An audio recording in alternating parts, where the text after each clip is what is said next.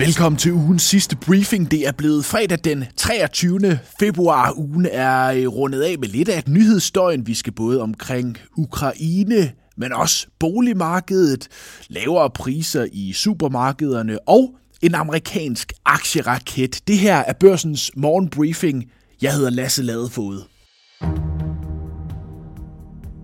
I danske medier har Ukraine fyldt det seneste døgn. I morgen lørdag, der er det toårsdagen for Ruslands invasion af landet. Torsdag, der meldte Danmark og Danmarks statsminister ud, at øh, man nu er klar til at yde Ukraine øh, økonomisk støtte de kommende 10 år, og konkret sende en 15. donationspakke afsted her nu på 1,7 milliarder kroner. Og i et interview med børsen, der gør forsvarsminister Troels Lund Poulsen det klart, at han ikke umiddelbart ser nogen ende på krigen forløbig, og øh, at det er afgørende, at USA og Europa bliver ved med at sende økonomisk og militær støtte til Ukraine. For hvis Ukraine taber, vil Rusland gå videre, og i løbet af 3-5 år potentielt destabilisere et NATO-land, eller sågar være i stand til at angribe et NATO-land, siger øh, Truls Lund Poulsen til børsen. Berlingske skriver, at over halvdelen, 56 procent af de danske supermarkeder vil sænke priserne over de kommende tre måneder. Øh, Berlingske har spurgt de to store, to af de store i Danmark, Coop og øh, Salling Group, som begge bekræfter, at de er blandt dem, der vil sænke priserne over en bred kamp. Prisfaldene kommer efter, at producentpriser og fødevarepriser, altså samlet det supermarkederne selv betaler leverandørerne, er faldet over det seneste år. Hos øh, Dansk Erhverv, der venter man prisfald på fødevarer på 3-5% samlet i år. Finans skriver, at flere store danske virksomheder øh, på det seneste har sat forretningsben til salg for at skære ind til kernen i virksomheden. Det gælder for eksempel Mærsk, som vil sælge Svitzer, F.L. Schmidt, der vil sælge cementdivisionen, og NKT, der forsøger at sælge deres Photonics-division. Ifølge aktieanalysechef fra Carnegie, Niels Granholm Let, så er det et tegn på en kommende afmatning i verdensøkonomien, når virksomhederne trimmer sig. Han siger, når du så har en afmatning, der falder sammen med stigende renter, så giver det endnu bedre mening. Det er det, vi ser i øjeblikket, siger han til Finans. Så skal vi til det danske boligmarked, hvor øh, en del af markedet er bremset helt op her efter øh, nytår. Antallet af lejlighedshandler er faldet med 31 procent den seneste måned, viser nye tal fra boligsiden. Årsagen skal findes øh, i boligskattereformen, som gav en storm af handler lige inden den trådte i kraft ved nytår.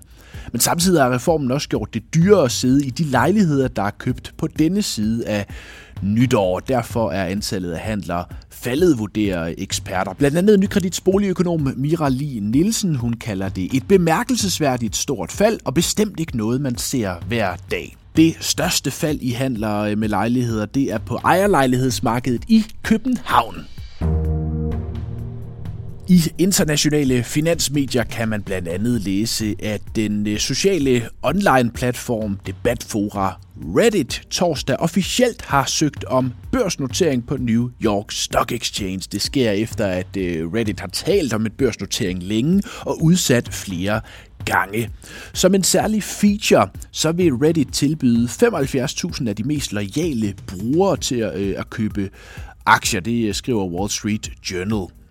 Reddit øh, er kendt som en øh, sladderplatform, internettets forside, og også stedet, der blev samlingspunkt for mindre private investorer, der talte aktier som GameStop og AMC op under den såkaldte meme-aktiebølge.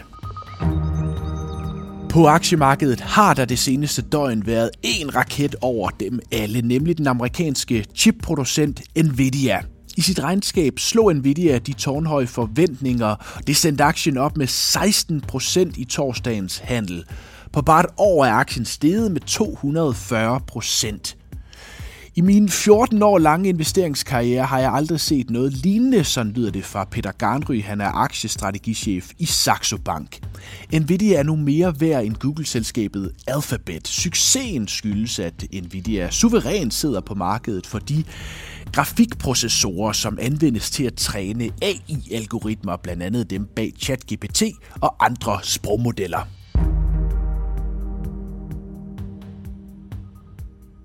Og den store stigning til Nvidia gav god aktiestemning i reelt set hele verden, særligt i USA, hvor tech-tunge Nasdaq steg hele 3% S&P steg med 2,1% og Dow Jones lukkede i en ny rekord. Både Meta og Amazon steg over 3% I Danmark der øh, måtte C25, som ikke har så mange tech-aktier, nøjes med et beskeden plus på 0,4% ISS endte i bunden efter sit regnskab, faldt den aktie næsten 7%. Vi slutter ugen af med en vaskeægte premiere. Den første udgave af børsens nyeste podcast, den hedder Lederens Dilemma, er ude nu. Her kan du høre et skarpt panel af ledere sætte fokus på hverdagens udfordringer som chef og give råd til helt konkrete situationer. Vært er børsens chefredaktør Nikolaj Sommer, og i den første udgave kommer panelet ind på lønforhandlinger og sygdom hos vigtige medarbejdere, og også omkring øh, en af verdens mest kontroversielle ledere, Elon Musk, på baggrund af Walter Isaacsons bog om ham. Tidligere topchef i Microsoft Danmark, Nana Bule, har det der at sige om Musks ledelsesstil. Der er ikke nogen tvivl om, at det her med at være genial tenderende til gal, det kan noget i forhold til at flytte nogle rammer, i forhold til virkelig at gentænke, hvordan ting sker. Så det tror jeg, verden har brug for. Jeg er bare den overvisning, at den type mennesker skal ikke have ansvaret for andre mennesker. Altså han, jeg synes, når man læser igennem, og øh, generelt hvad man hører, øh, det, jeg tror simpelthen ikke, det er sundt for andre mennesker at være i nærheden af ham. Øh, Men der, han tiltrækker jo nogle meget, meget ambitiøse mennesker, som bare tænker, ham der, han kan virkelig flytte noget. Ham vil jeg gerne arbejde for. Noget. Og han ja. tiltrækker mennesker, og det tror jeg også, han kunne tiltrække sådan en som mig, som ville tænke, hold kæft, man gad godt at være en del af den her mission om det er rummission eller noget andet. Så selvfølgelig vil han gøre det.